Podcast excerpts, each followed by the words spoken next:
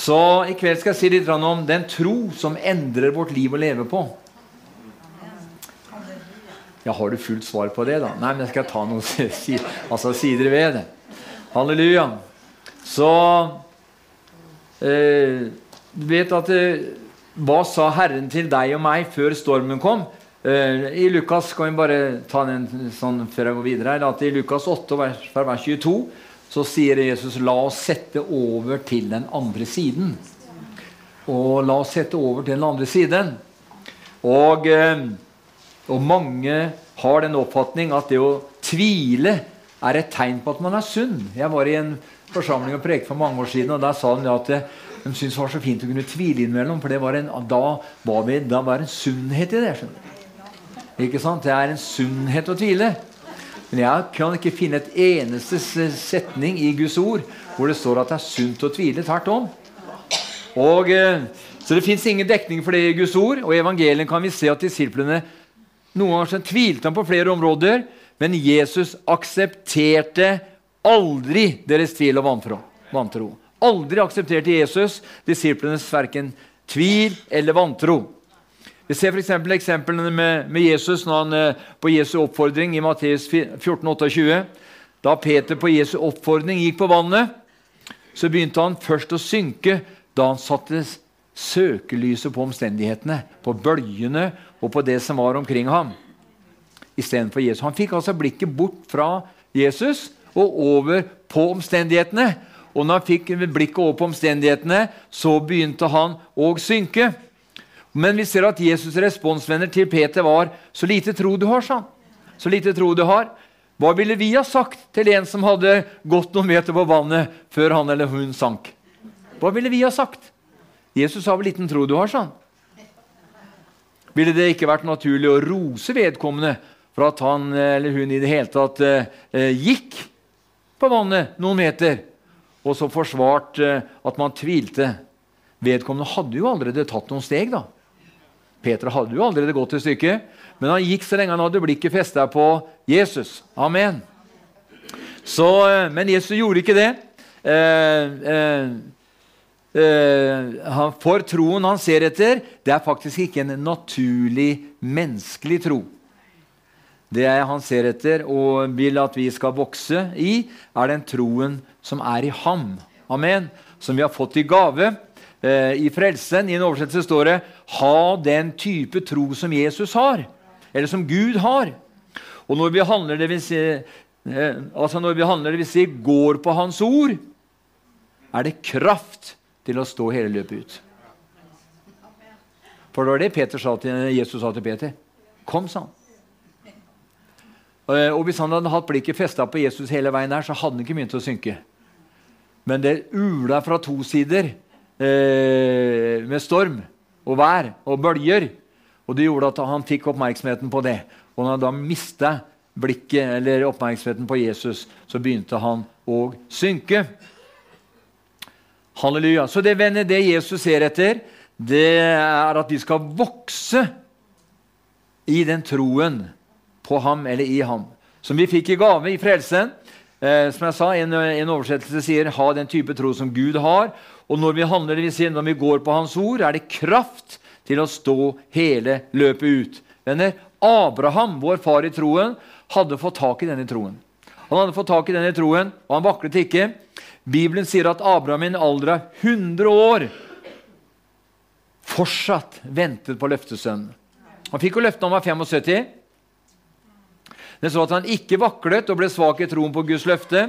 Han var klar over det naturlige, nemlig at både han og Sara i det naturlige var langt forbi fruktbarhetsalder. Men han visste hvem han trodde på, og at han var i stand til å utføre alt det han hadde sagt. Og eh, Jeg var litt inne på det på innledninga her, på, på, her en dag. Også dette her med at Guds løfter Alle de som er her i kveld, har fått minst ett løfte, eller kanskje fem eller ti. Ikke vet jeg. Men, eh, og som ennå ikke har fått sin oppfyllelse. Men vi skal huske at de løfter Gud har gitt, de ligger på en måte der og ruger i åndeverdenen og bare venter på det, eh, på det rette eh, tidspunktet hvor det kan slå ned og manifestere seg. Amen. Han ble Det står om at Bibelen sier at, at han, han, vaklet ikke og ble svak i troen på Guds løfte. Men han, som jeg sa, han var klar over det, at det på det menneskelige planet så var det egentlig helt menneskelig sett helt umulig. Og Ofte er det sånn at det som har med tro å gjøre, er ofte eh, helt i opposisjon til det menneskelige. Det er nemlig eh, rent menneskelig sett er umulig, men ved tro er alt mulig. For alt er mulig for Gud, og alt er mulig for den som tror. Amen. Så Abrahams tro den blir styrket, skjønner du. Fordi han valgte å prise og takke Gud istedenfor å se på omstendighetene. Samme som Paulus og Silas i fengselet. De valgte ikke å si akk og ve og, og eh, stakkars osv. Eh, nei, de begynte å lovprise og prise Herren. Og mens de lovpriste og takka Jesus og løfta på hans navn, så kom det et jordskjelv, og alles lenker falt av. Altså Gud responderer på din og min tilbedelse, din og min lovprisning, ditt og mitt hjerte, som priser Han for den han i, i virkelighet, eh, den han i sannhet er. Han sier her i Salme 111 så sier, eh, så sier salmisten her i Salme 111 og eh, i vers 1-2 så sier han her Så sier han her Halleluja! Jeg vil prise Herren av hele mitt hjerte, i de oppriktiges råd og i menigheten. Store er Herrens gjerninger, søkt av alle dem som har lyst til dem. Et spørsmål. Har vi lyst, venner, til å se Herrens mektige gjerninger iblant oss? Har vi ikke det? Jeg har, jeg har, jeg har jeg er helt Jeg vet hva jeg si. Jeg, er, jeg har langt over lysten jeg, til å se det. Ja. Jeg har et begjær ja, etter å se Herrens gjerninger iblant oss. Så kanskje nøkkelen er, eller en av nøklene er at vi begynner å tilbe og lovprise Herren. Og jeg tror faktisk at det vil hjelpe oss til at vi kommer hurtigere inn i de ferdiglagte gjerningene. Inn i de ferdelagte gjerningene. Gud er den samme i dag som han var på Abrahams tid. Gud har bedt deg ta noen steg i tro. Ikke tillatt tvilen å hindre deg i å ta de stegene i tro. Så kan det være sånn at du, Om du allerede har tatt noen skritt i tro, og så opplever du at det tårner seg opp på forskjellige utfordringer, og du opplever og tenker hva er det jeg holder på med? Det er jo bare problemer. Siden jeg begynte å handle på det løftet Gud ga meg, så er det bare problemer. Det er bare utfordringer og vanskeligheter. Og jeg vet nesten ikke, og så begynner du å tenke Men da er det veldig viktig når de utfordringene og de vanskelighetene kommer, problemene kommer, så er det veldig viktig å bevege seg framover med blikket festa på Jesus. Pris ham midt i din situasjon, for han vil styrke din tro, og han vil føre deg og meg hele veien gjennom. Derfor sier han også at vi skal ha blikket festa på ham, som er troens opphavsmann og fullender. Så fort vi begynner å feste blikket på omstendigheter og feste blikket på det som, ikke, eh, som, eh, som har med Jesus Kristus å gjøre, så er det veldig fort gjort å eh, si, eh, komme ut av det plan som Gud har for deg og for meg. Venner, hør her. Jesus døde ikke på korset for at du og jeg skulle bli religiøse. Nei. For religiøsitet har det vært fra børjan av nesten. Han døde ikke for at du og jeg skulle bli religiøse. Hvem var det som hadde problemer med hvem hadde Jesus problemer med? Hvem hadde døperen Johannes altså problemer med? Hvem hadde de første hellige problemer med? De hadde problemer med den religiøse verden. Og Sånn har det vært historisk helt opp til disse dager. Og det vil fortsatt være det inntil Jesus kommer igjen. Han døde fordi du og jeg skulle bli satt fri til å leve det livet han har planlagt både for deg og meg å leve. Fri til å leve sammen med ham. Og den relasjonen vil gi deg og meg en visshet i hjertet om at vi tilhører ham.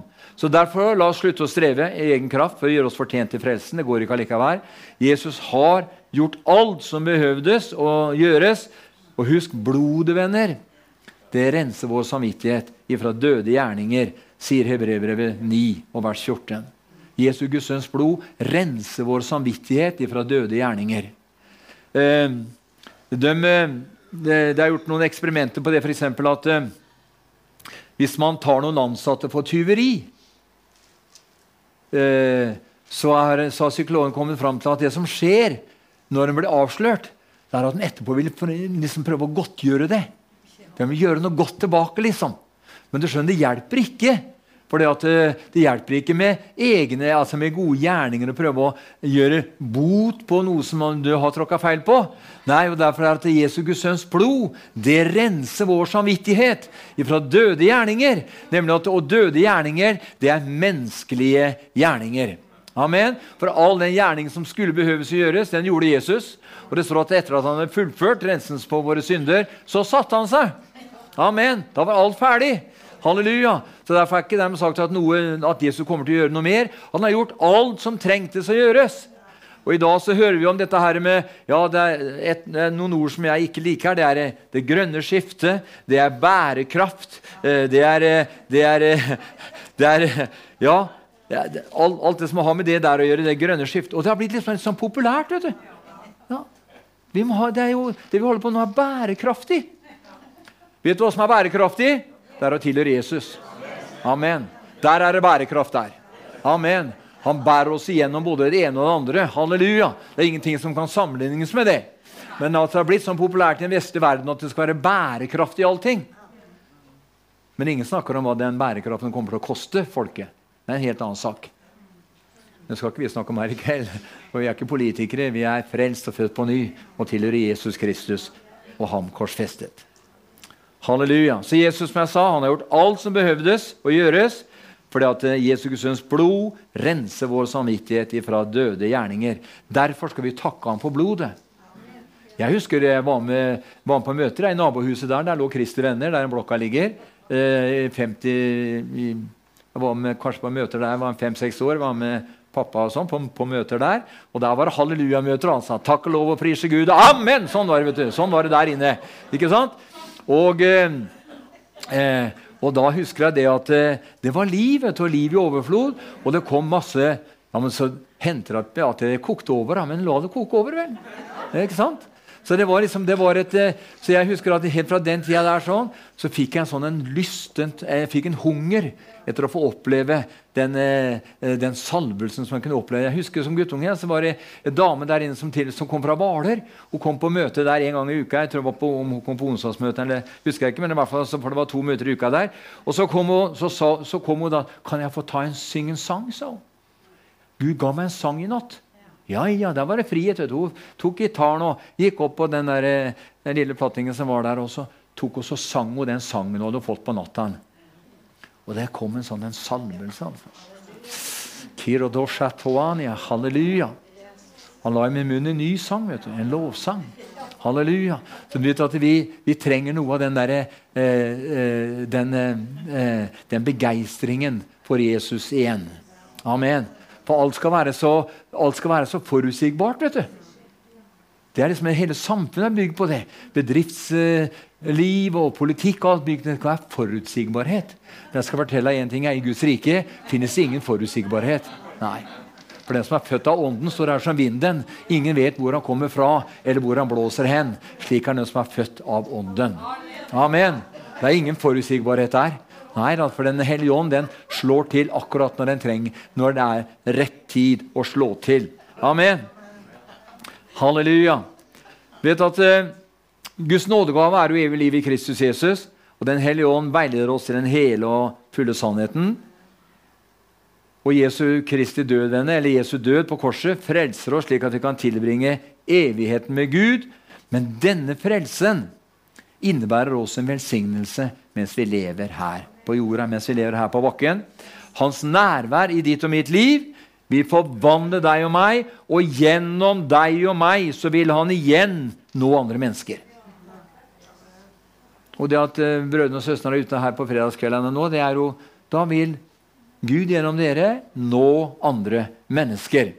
Amen.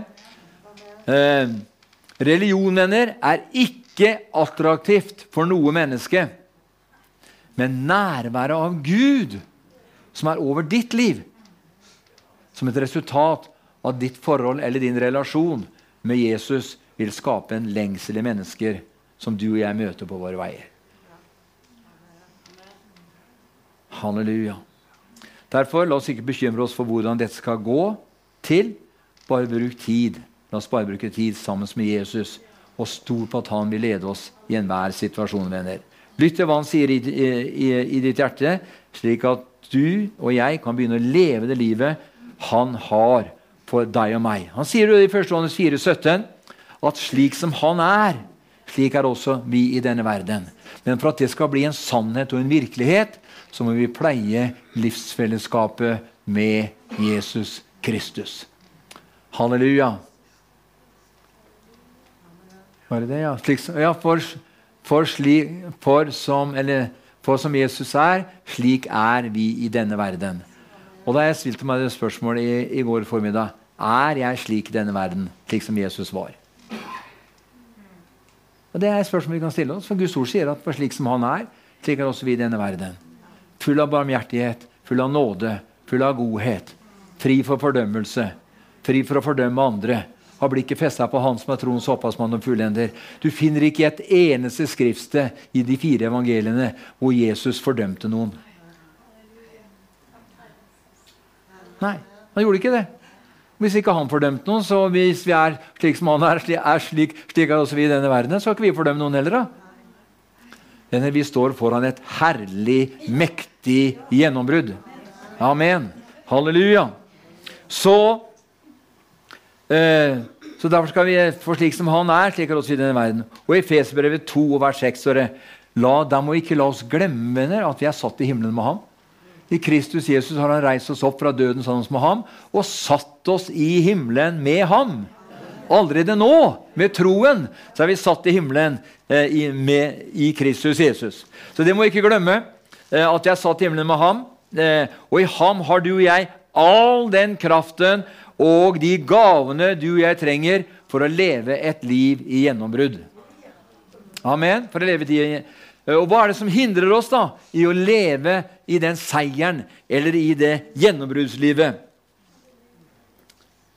Jeg mener ikke her å leve et liv fritt for prøvelser og vanskeligheter. for det er vi lovet det.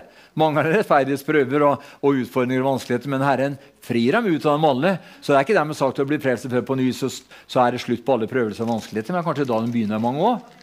Eh, men altså, det er ikke det jeg sier. Eh, at, at, vi skal leve et liv fritt for prøvelser og vanskeligheter. Men vi skal leve med en seiers- og gjennombruddsmentalitet til tross for livets motganger. Til tross for livets motganger. Og hva er det som hindrer oss, da? Jo, livets opp- og nedturer, venner, har altfor lett for å prege og henge fast ved oss. Men budskapet til oss her i kveld er la Jesus sinn bli ditt og mitt sinnelag. Filippebrevet 2 og i vers 5. Det er fint, nå får vi på tavla her. vet du. Så bør ikke jeg slå opp her engang. Ja. Filippebrevet 2 og vers 5. Det står der La samme sinnelag være i dere små som var i Kristus Jesus, skriver Paulus i Filipperne her. Og Da må vi bare prøve å studere hva slags sinnelag var det i Jesus. Når Paulus sier la det samme sinnelag som var i Kristus, være i dere, sier han. Venner, det siste Jesus opplevde da han levde her på jorden, var å bli forrådt av en av sine egne. Er det noen som har blitt forrådt noen gang? Ja. Da har vi sikkert blitt mer eller mindre på forskjellige nivåer, noen av hver. Vi ser her at eh, Peter han nekta for å vedkjenne seg ham. Han, Jesus ble pisket, han ble slått, han ble spyttet på og spikret til et kors. Da Jesus viste seg for de nærmeste etterpå, var det ikke noe av dette som prega han. Det var ingenting av piskeslaget, det var ingenting av spikrene og alt det han gjennomgikk, som prega Jesus. Han bar ikke preg av å være forrådt.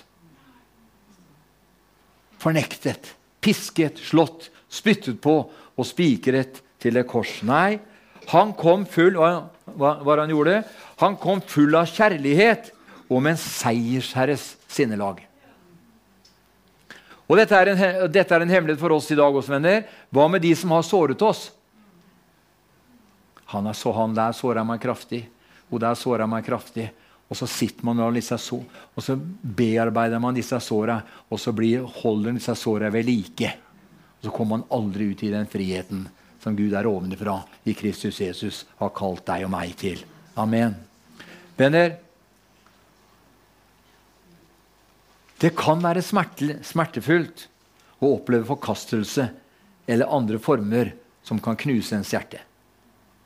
Men han som bor i det høyeste, skjønner du, bor også hos dem som har et, et sønneknust hjerte, sier Esaias 57, 15. Skal la oss se på det verset der. Esaias 57, 15.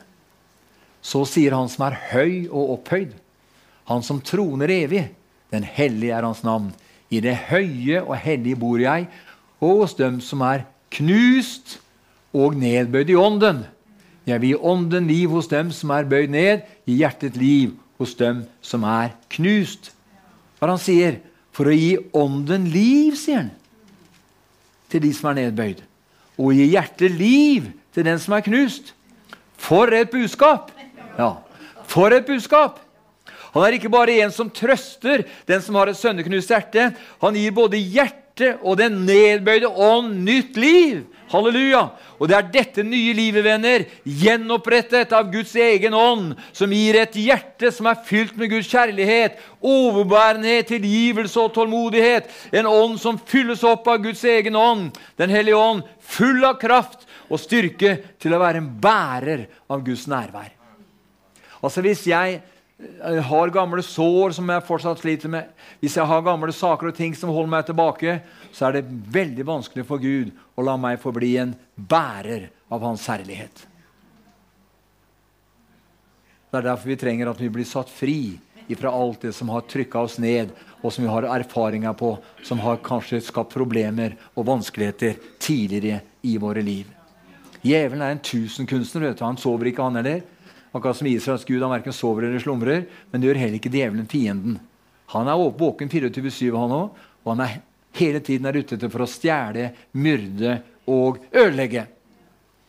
Og som jeg nevnte her, Det er jo tre forskjellige anklagere. eller er, eh, an, Anklagen kommer på, på, på, på, tre forskjellige områder. Anklag, djevelen, eller Satan, betyr anklager. Han er den som anklager oss innenfor Gud. Hver dag, hele tiden. Og så har du verden. Og så, og så, for vi, vi, er i verden, men ikke av verden.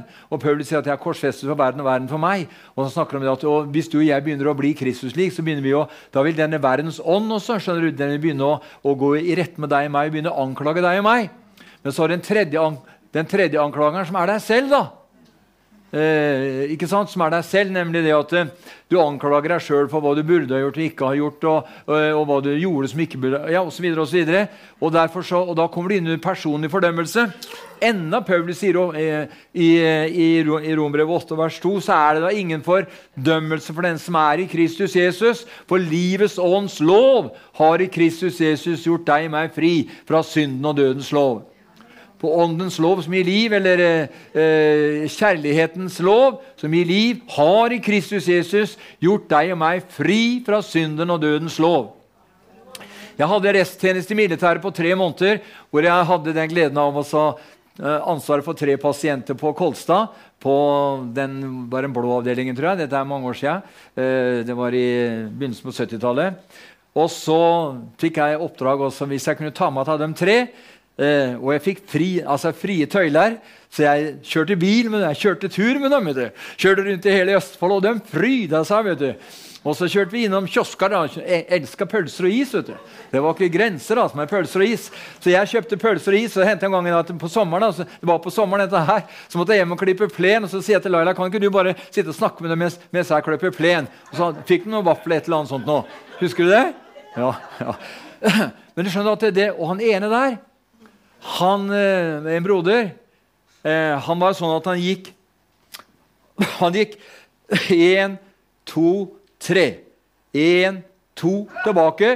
Én, to, tre. Så han gikk jo bare ett skritt fram på tre skritt. Men så sa han til meg hver gang Han er, hjemme, han er død hjemme hos Herren for mange år siden. han også. Og En gang jeg kom og skulle hente dem, så sto de og satt meg og venta ute i gangen. vet du, når jeg kom. Den var så, den, de så bare fram til denne bilturen. vet du. Og så og, så, og han gikk, Det tok lang tid før han kunne gå gjennom den, den lange gangen. Da. Og Så sier jeg til henne, så begynte han å gå. Og så går han Nei, sa jeg! Kom igjen, gå videre! Og så titta han seg til høyre og til venstre, akkurat som skulle, noen som skulle ta han, vet du. Og så gikk han hele veien og ned trappa og ble med i bilen. Dagen etter ble jeg kalt inn til, til bestyreren der. da. For de hadde jo såkalt såkalte ev eh, evalueringsmøter daglig. Og Der satt liksom både lederen og nestlederen og to-tre av dem som jobba der. satt i timer etter timer altså. og bare satt der og diskuterte den ene pasienten framfor den andre. Så jeg fikk beskjed om at det der fikk jeg ikke lov til lenger. da. Men, hadde, men jeg var helt overbevist. Men han hadde et skriftsted. Arne sa han. Romerne 8,1. Husk det, sa han. Så er det ingen fordømmelse for den som er i Kristus Jesus. Det verset refererte hver gang. Refererte hver gang. Først jeg inn på det, så var, så var det, det, var to damer, og så var det den mannen der. da. Og så hendte det at jeg kom når jeg kom hjem til, jeg kom opp, De hadde vært i et rom. vet du. På Kolstad der sånn, så var det en dame som Jeg vet ikke om hun la seg etter meg, men jeg vet ikke hva det var. Men i hvert fall så, så, så satt vi der og lurte på om jeg kunne bli med inn på rommet. da. bli med inn på rommet. Og så kom jeg. Ja, det kan gjøre, seg. Og så kom jeg inn på rommet. Så skal jeg sette meg på en stol. Og hun hadde hele veggen full av hyller med dokker. Hun hadde hundrevis av dokker. Og han ved siden av samla på salmebøker. Så hver, gang, så hver, gang, jeg var der, så spurte han har du salmebok til meg. Og, og der var Jeg litt urolig. Jeg sa jeg skal prøve å skaffe deg, men ja, han hadde jo men, Og mens jeg satt i stolen, og så plutselig, satt litt, og så plutselig var det et hode som satte øya rett inn i øya mine. vet du. Det var henne. vet du. Satte øya rett inn i øya mine. Og jeg bare kjente den demoniske aktiviteten der. Så jeg bare satte øya mine tilbake i øya hennes. Jeg. Bare, jeg tror jeg nevnte en gang før. Og så og, satt, og vi stirra hverandre inn i øya. kanskje Det føltes så lang, eh, lenge, da, men det er ikke sikkert det var med halvannet minutt. Og så datt hodet hennes ned. Datt hodet hennes ned. Da var den demonen i henne beseira. Fra da av var det noe jeg skulle gjøre sånn. Da var hun som et lam etterpå. Så skjønner du, Ånd kan du ikke takle med kjøtt. Ånd må takles med ånd. Amen. Og han som bor i oss, venner, han har allerede overvunnet denne verden. Amen. Halleluja. Så han, eh, som jeg sa, Esaias her sånn, eh, han skriver at eh, For i ånden liv som er nedbøyd, og i hjertet liv til den som er knust. Venner, og det er dette nye livet, gjenopprettet av Guds egen ånd, som gir et hjerte som jeg sa, fylt med Guds kjærlighet overværenhet, tilgivelse og tålmodighet. Halleluja. Det er Den hellige ånd full av kraft og styrke til å være en bærer av Guds nærvær. Og Jeg opplevde det i går formiddag, for jeg satt og forberedte en preken her i går formiddag. For Da satt jeg, da var ingen, ingen på besøk. Da hadde jeg mange timer for meg sjøl. Og da opplevde jeg at, at er du såra og nedbøyd i din ånd, og det er saker og ting som bare sitter fast i deg, så kan du aldri bli en bærer av Guds herlighet. Du må bli satt fri. Du må bli satt fri. For får da Sønnen frigjort oss, venner, så blir vi virkelig fri. Amen. Halleluja. Så, venner, Gud vil bruke våre omstendigheter til å sette oss i frihet. Og Om vi velger å gjøre som Hans ord sier, det vil gi oss en mentalitet ikke bare som en som overlever, men en som overvinner. Det er ikke nok med det å bare overleve. Nei, vi er kalt vi, vi, skal, vi, skal, uh, vi skal vinne. Vi skal være overvinnere.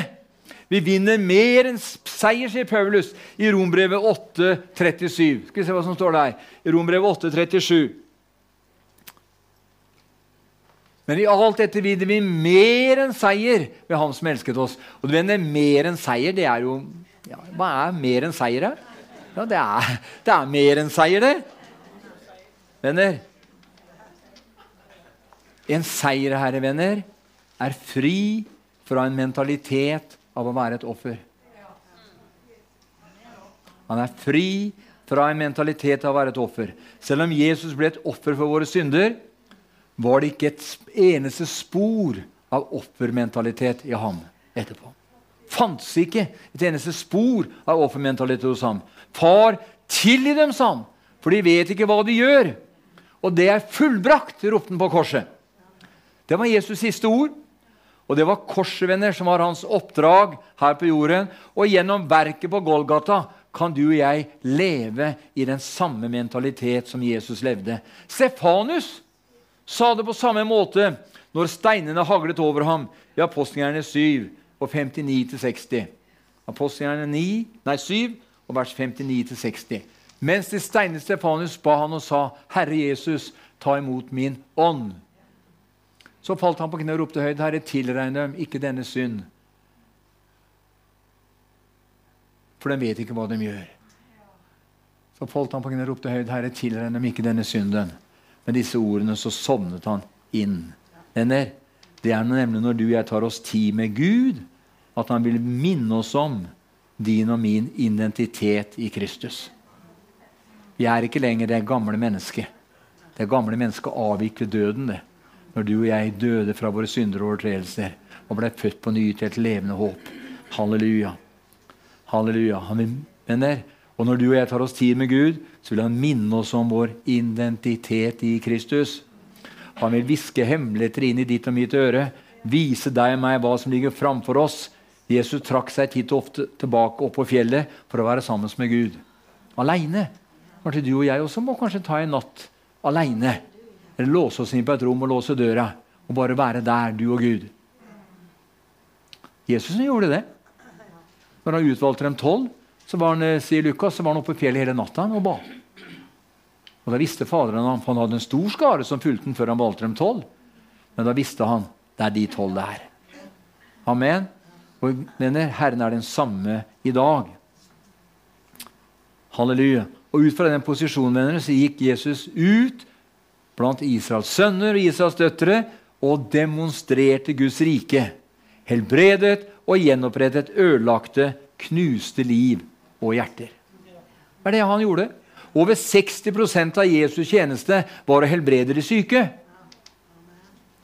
Han lærte jo en del saker, ting, men hovedtjenesten til Jesus var å helbrede de syke og de plagede. Venner, Gud har gitt deg og meg den samme kraften gjennom Den hellige ånd. Når han ser deg, ser han Jesu hjerte. Når Faderen ser deg og meg, så ser han eh, Jesu hjerte i deg og meg. Og han ser nemlig Jesu hjerte, Jesu karakter og sinnelag, og ikke minst gjennombruddskraft til å forvandle liv og omstendigheter rundt deg og meg. Venner, la oss koble opp til Gud og Ordet, slik at vi blir den personen Ordet sier du er. Du har hva du har, Torbjørn Wenche sang den sangen. Du har, eh, du har hva Ordet sier du har, og du kan gjøre hva Ordet sier du kan gjøre. En eh, Torbjørn Wenche seg sang en sang eh, som handler akkurat om dette her. Men la oss også huske en ting. Ja, men jeg er ikke god nok, kan noen si. La oss, huske, la oss, la oss forstå, venner, Gud elsker deg og meg så høyt at han godtar deg og meg akkurat som du er. Men han elsker oss for høyt til å la deg og meg forbli slik som vi er. Han elsker oss så høyt som vi er, men han elsker oss så høyt at han vil ikke at vi skal forbli slik som vi er, men at vi skal vokse i nåde og i kjennskap til Han som er veien, sannheten og livet. Venner, Evangeliene er fulle av vitnesbyrd om mennesker som fikk et fysisk møte jeg har skrevet mye denne gangen her, som fikk et fysisk møte med Jesus mens han vandret her på jorden, og det forvandlet dem totalt. Det skjedde en ekstrem forvandling. Indre forvandling. Maria Magdalena, den prostituerte, Eh, som etter møtet med Jesus vendte seg bort fra sitt urene liv og fulgte mesteren, eller Jesus. Peter, denne røffe, ulærde fiskeren som Jesus omtalte som Klippen. Sakkeus, tolleren, som hadde stjålet penger, men som etter et møte med Jesus ga tilbake det firdobbelte av alt han hadde stjålet. For ikke å snakke om Paulus, mann som forfulgte de kristne, som samtykket i steningen av Stefanus, og som reiste rundt på tokt for å fengsle alle som trodde på Jesus. Etter møtet med Jesus på Damaskusveien mener, så skjedde det en total forvandling, og han ble apostelen som brakte evangeliet til hedningene. Som brakte evangeliet til Europa, slik at du og jeg kunne få høre. Amen. Så, venner, også i dag så vitner mennesker om møtet med den levende Jesus som har forvandlet dem. Ting de før gjorde, ting som gjør at, eh, ting som gjør at vi alle tenker at jeg må slutte med dette før jeg kan bli en kristen osv. Det er mange kristne som har den tanken jeg må slutte med det før jeg kan komme til tro osv. Det var ikke lenger noe tema etter at han møtte Jesus. For det er det nye liv i deg og meg som skaper den forvandlingen som skal til for at vi kan leve til et liv til pris og ære for Hans herlighet. Halleluja. Når vi opplever Guds kjærlighet, når vi får et glimt av hva han gjorde for oss på korsvenner så begynner vi å forstå hva Paulus skriver om at Gud viste sin kjærlighet til oss ved at Jesus døde mens vi ennå var syndere, står i Romerbrevet 5,8. Romerbrevet 5,8. Men Gud viser sin kjærlighet til oss ved at Kristus døde for oss mens det ennå var syndere. Halleluja. Venner, Den hellige ånd er gitt for å overbevise om synd. Og når han overbeviser oss, er det ikke for å fordømme oss, men for å åpne våre øyne, så vi ser hvorfor vi trenger Jesus. Og Når du og jeg opplever en slik kjærlighet, kan vi si som Johannes vi elsker ham fordi han elsket oss først. 1. Johannes 4, 19. 1. Johannes 4, 19 sier det. Vi elsker ham fordi han elsket oss først. Vi elsker fordi han elsket oss først. Halleluja. Venner, dette fører oss inn i et, eh, i et, et forhold eller en relasjon, og ikke en religion med bud og regler. Og Det var denne, dette forholdet eller denne relasjonen som forvandlet Maria, som forvandlet Peter, som forvandlet Sakkeus, som forvandlet Paulus osv. Relasjon ble en prosess av helliggjørelse fordi Gud elsket de så høyt at han ikke kunne la de bli slik som de var. Det samme gjelder deg og meg. Gud elsker deg og meg for høyt til å la oss forbli i den tilstanden vi er i nå. Gud er opptatt av at du og jeg skal få del i hans hellighet, står det. Han sier i 1. Peter 1,16.: Dere skal være hellige, for jeg er hellig, sier han. Ja, men kan han ikke elske oss uten at vi blir hellige, da? Jo, han elsker oss uansett, han. Men poenget er det, venner, at verken du eller jeg kan være i Guds nærhet uten at vi har blitt helliggjort. Og en av oversettelsene, oversettelsene på, hebrai, på, altså, eh, i, altså på Hebreerbrevet 12 og vers 10, annen del, sier at uten hellighet kan ingen se Herren. 12 eh, og 10. Ja. For fedrene viste oss til rette på en kort tid, og slik det selv syntes var best. Ja. Men han gjør det til vårt beste for at vi skal få del i hans hellighet, sier den oversettelsen der. Da Moses ba om å få se Gud, var svaret at han, at han skulle la sin godhet gå forbi. Men at Moses ikke kunne få se Herrens ansikt fordi ikke et eneste menneske kunne se Gud og deretter leve. Det er 2. Mosbok 33, og vers 18-20. 2. Mosebok 33, 18-20 står om det. La meg få se din herlighet. Han svarte ja, jeg, jeg, jeg, vil la min godhet gå forbi deg og rope ut for deg navnet Herren, for jeg er nådig og, den, eh, og, jeg, og nåde mot den jeg viser nåde, og barmhjertig mot den jeg forbarmer meg over. Så og det, var, og det var den gamle pakten vi leste fra nå. Nå i den nye pakten så har Jesus gjort dette mulig for deg og meg. Når Jesus ropte ut det var fullbrakt, ropte han altså på korset, så var alt ferdig og klart til at, du, til at du og jeg kan både vandre og leve rett i denne relasjonen og prosessen. For det er nemlig Gud som helliggjør oss. Jeg kan ikke helliggjøre meg sjøl. Gud helliggjør oss. Gud utfordrer vår tro.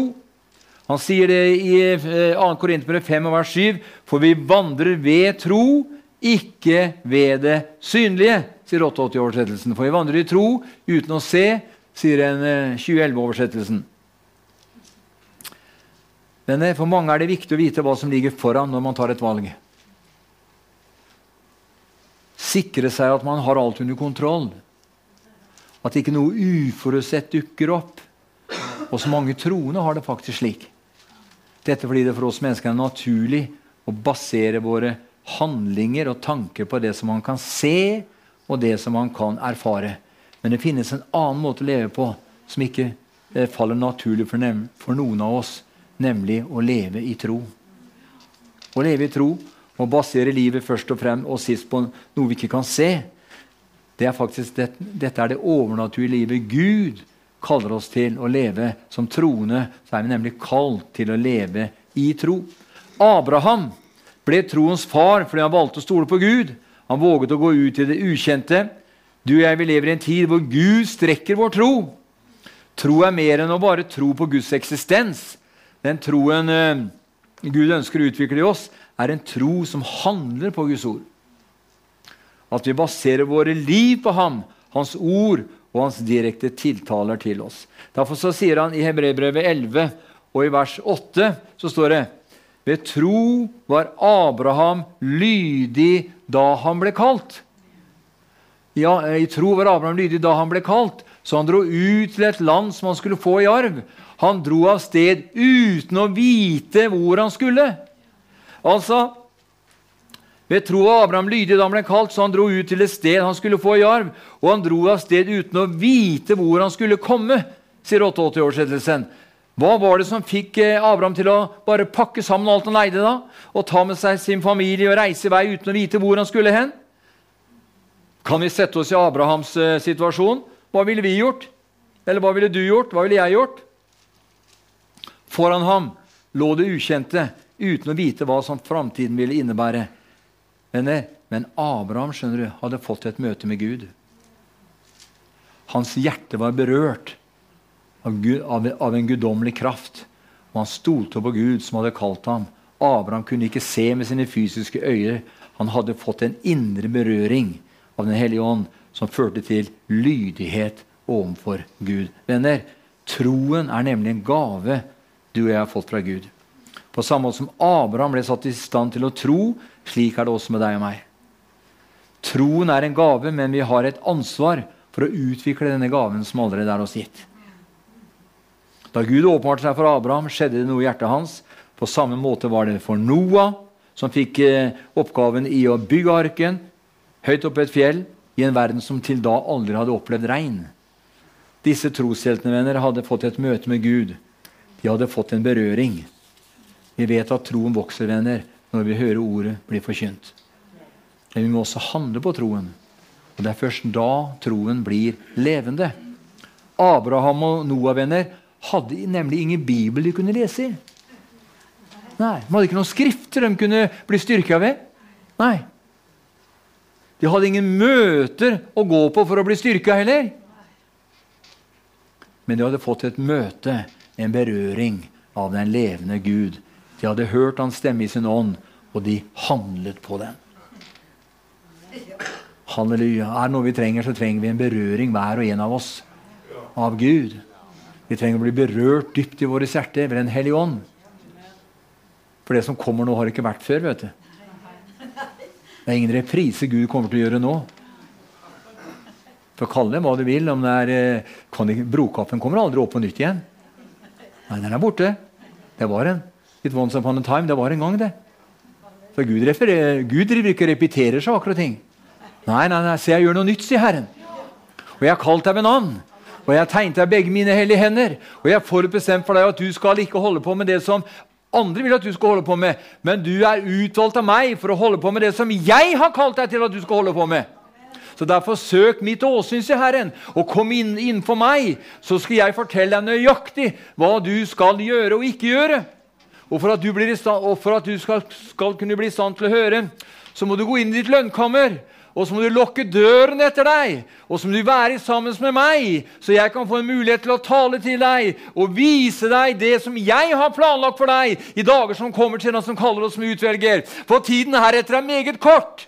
Tiden heretter er meget kort. Snart så kommer jeg som kommer skal, og jeg skal ikke dryge. Men før jeg kommer, så vil jeg at du skal komme inn i fullheten av min plan med ditt liv. Ikke at jeg skal komme inn i dine planer med ditt liv, men at du må komme inn i mine planer med ditt liv, sier han som kaller oss som utvelger. For jeg har i sannhet planer for deg som overgår all menneskelig kunnskap og menneskelig forstand. For det er nemlig som et resultat av at du kommer inn i mine planer, at min herlighet kan begynne å manifestere seg gjennom ditt liv og din lydighet til min ånds røst til rett tid, sier han som kaller oss med utvelger.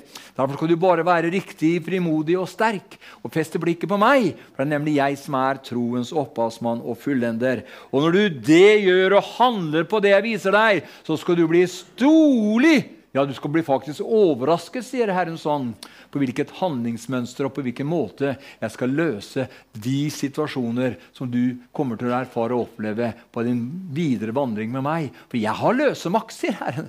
Er det noen som har løsemakt i dette universet, så er det meg, sier Herren. Og dersom du velger å ta meg til det, eh, og dersom du velger å sette, eh, legge alt inn under mitt eh, rike, sier Herren, så skal du få erfare og få oppleve at min løse makt den skal hjelpe deg på alle plan og på alle områder. Du skal ikke behøve å mangle ressurser, verken økonomisk eller materielt, eller hva det måtte være. Jeg skal gi deg det du trenger til, sier Herren. Ja, før du roper, så skal jeg svare deg. Før du roper, så skal jeg svare deg, for jeg vet nøyaktig hva du trenger til for å fullføre det oppdrag som jeg har kalt deg til. Og det jeg har kalt deg til, er at jeg vil ha deg inn i mine ferdiglagte gjerninger. Ikke dine gjerninger og dine planer, men i mine planer og mine gjerninger, sier Herren, som er lagt ferdig for deg. For det er nemlig først ved at du begynner å vandre i mine gjerninger og komme inn under mine planer og begynner å adlyde meg, sier Herren, at du vil få se min storhet. At du vil få se min herlighet. Da skal det bli helt vanlig for deg å oppleve engler, sier Herren. Ja, det skal bli helt naturlig for min menighet å oppleve englebesøk i dager som kommer. For når min menighet ikke lenger tenker på hva de skulle ha gjort og ikke gjort, og er opptatt med hvordan denne verden styres ikke Dere er i verden, men ikke av verden. Men fest blikket på meg, for det er nemlig jeg som er troens opphavsmann og fullender. Og dersom dere er oppreist for meg, sier Herren, så søk det som er der oppe. Hvor jeg sitter ved Faderens høyre hånd, hvor jeg bl.a. lever av og ved å gå i formen for deg. Vær du bare riktig frimodig og stol på meg, for det jeg skal gjøre nå, sier Herren. Det har du ingen, ingen, anelse om på hvilken måte det skal skje, og på hvilken måte det skal hende. For jeg som kalte deg med navn, og jeg som begynte en god gjerning i deg, jeg har til hensikt å fullføre, men jeg er avhengig av at du er med meg, sier Herren. Jeg er avhengig av at du lar deg beveges i den retningen som jeg viser deg. Så skal du bli ganske overrasket på hvilken måte jeg skal ta hånd om saker og ting i ditt liv Abraham mener, han gikk ut fra Uri Kaldea uten å vite hvor han skulle hen. Det var ingen forutsigbarhet der. Nei, Det var ikke noen politikk til vet du, forutsigbarhet. Nei, Gud, halleluja! Troen handler om å begynne å gå på den vei som Gud ba, har lagt ferdig for oss, venner. Halleluja. Jeg sier ikke at det er feil å ha planer i, på det ene og andre området, men når det gjelder det som har med Guds rike å gjøre, så er det ingen forutsigbarhet. Det som er helt sikkert, er at dersom vi søker Herren av hele vårt hjerte, så vil Han la seg finne av oss. Så vil Han la seg finne av oss. Og Han som begynte den gode gjerning i ditt og mitt liv, han har ikke hensikt til å avslutte, men han har til hensikt til å fullføre. Halleluja. Halleluja. Venner, om vi ikke handler på det, om vi får et rema, om vi ikke handler på det vi hører og leser, da er jo vår tro død. Da sitter vi kun igjen med noen fine og gode ord, men mangler kraften. Det var Den hellige ånd venner, som berørte troens helter. Vi kan også få en berøring av ånden i vår ånd, men Gud har gitt oss en fri vilje. Vi velger sjøl. Herren kan røre ved din ånd her i kveld. skjønner du. Halleluja. Han kan røre kraftig ved deg her i kveld. Amen. Halleluja. Ja, men jeg vil ha det på den og den måten. og sånn. Nei, da hopper Herren av med en gang. Han vil, han vil berøre deg og meg slik som han vil berøre deg og meg. Halleluja. Venner, det var Den hellige ånd som jeg sa, som berørte troens helter. Og vi kan også få en berøring av ånden i vår ånd her i kveld. Men Gud har gitt oss fri vilje.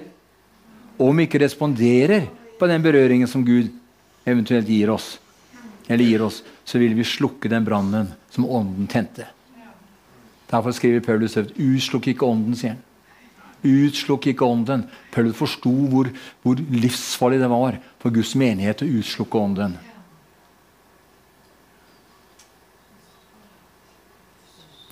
Så når du og jeg møter prøvelser, så er det din og min mulighet til å handle på ordet som du og jeg har fått i vårt hjerte. Det er din og min mulighet til å finne ut om Guds ord holder gjennom alt. Abraham ble sterk i troen med fordi Gud satte ham på prøve. Satt på, Gud satte ham på prøve. Det var ikke djevelen som satte Abraham på prøve. Gud satte ham på prøve. Slik er det også med oss. Prøvelser er nemlig en guddommelig mulighet for deg og meg til å bli sterke i troen. Det er en guddommelig mulighet for deg og meg til å bli sterke i troen. Vi vokser gjennom utfordringer. Nøkkelen for gjennombrudd er at vi gjør som Guds ord sier, osv. Venner, vi kan kanskje være, bli litt utålmodige for, fordi ting ikke skjer etter vår tidsplan. Jeg har vært utålmodig helt siden jeg var uh, guttunge. Ja. Aldri liksom klar, må gjøre det nå. Det må skje nå. Må, nå! Ikke i morgen, men nå! Det er sånn at ja, men det er jo en Ja, også, men gjennom åra så har jeg blitt litt mer tålmodig da. Mamma sa når jeg var, eh, lå på og puppa, så sa du fikk, fikk ikke pupp fort nok. sa hun til meg. Jeg ble større. Det skulle skje med en gang! ja da. Men venner Vi kan være litt utålmodige over ting, for ting ikke skjer etter vår tidsplan. Men husk, Gud er ikke Dette jeg sier nå er veldig viktig. altså. Gud er ikke vår tjener. Han er vår Herre. Halleluja. Og Så fort vi snur på dette her og ser på Gud som eller Jesus som vår tjener, da bommer vi totalt. Gud er nemlig ikke din og min tjener. Han er din og min herre. Han ser hele bildet. Vi ser bare stykkevis og delt. Men han som har full kontroll, vil gjøre det han har lovet. Han vil gjøre det han har lovet. I Romer 4,21 står det for han, var overbevist om at eh, det Gud hadde lovet, hadde han også makt til å gjøre. Venner, denne overbevisningen vokste seg sterk i Abraham pga. erfaringene han gjorde underveis i sin vandring. Og Du og jeg vi har hatt mange erfaringer gjennom vandringen vår med Herren så langt. ikke sant? Mange av oss her har vært med i mange år, og vi har fått mange erfaringer gjennom livet så langt. Og det måtte Abraham òg. Den vokste seg sterk i Abraham pga. de erfaringene han gjorde underveis i sin vandring. Han gjorde noen feil underveis, han òg. Men eh, Guds kall og Guds nådegave det angrer han ikke på. Guds mål for deg meg, venner, er at også vi skal ha denne overbevisningen. Og det er viktigere enn noen gang, for vår såkalte trygge verden blir faktisk mer og mer urolig. Vi må være Altså det var, Før så sa de at de predikantene var sånn dommedagsprofeter. vet du.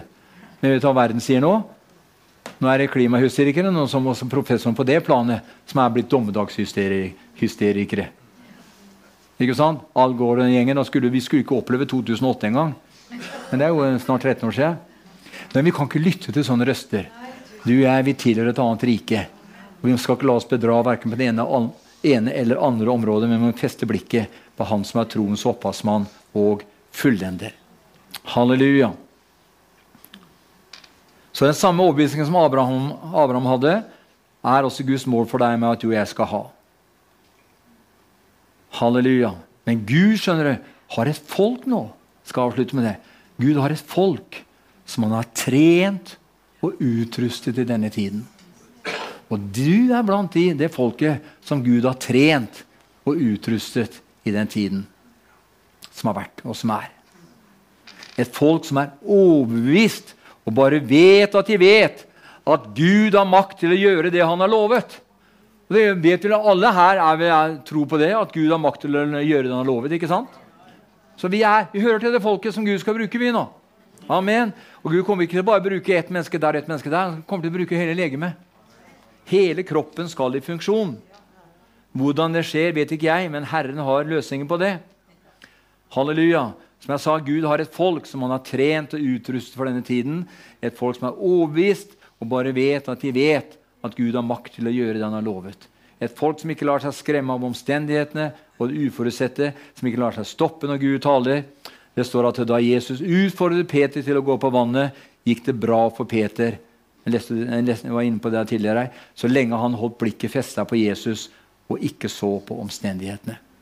Så uansett hva du og jeg står overfor i dag, venner, uansett hva Gud utfører deg og meg på, om du og jeg beveger oss ut i det ukjente, men kjenner at det er Gud som trekker på deg og meg, så la oss fortsette oss, la oss fortsette å bevege oss framover med blikket festa på Han som er troens opphavsmann og fullender.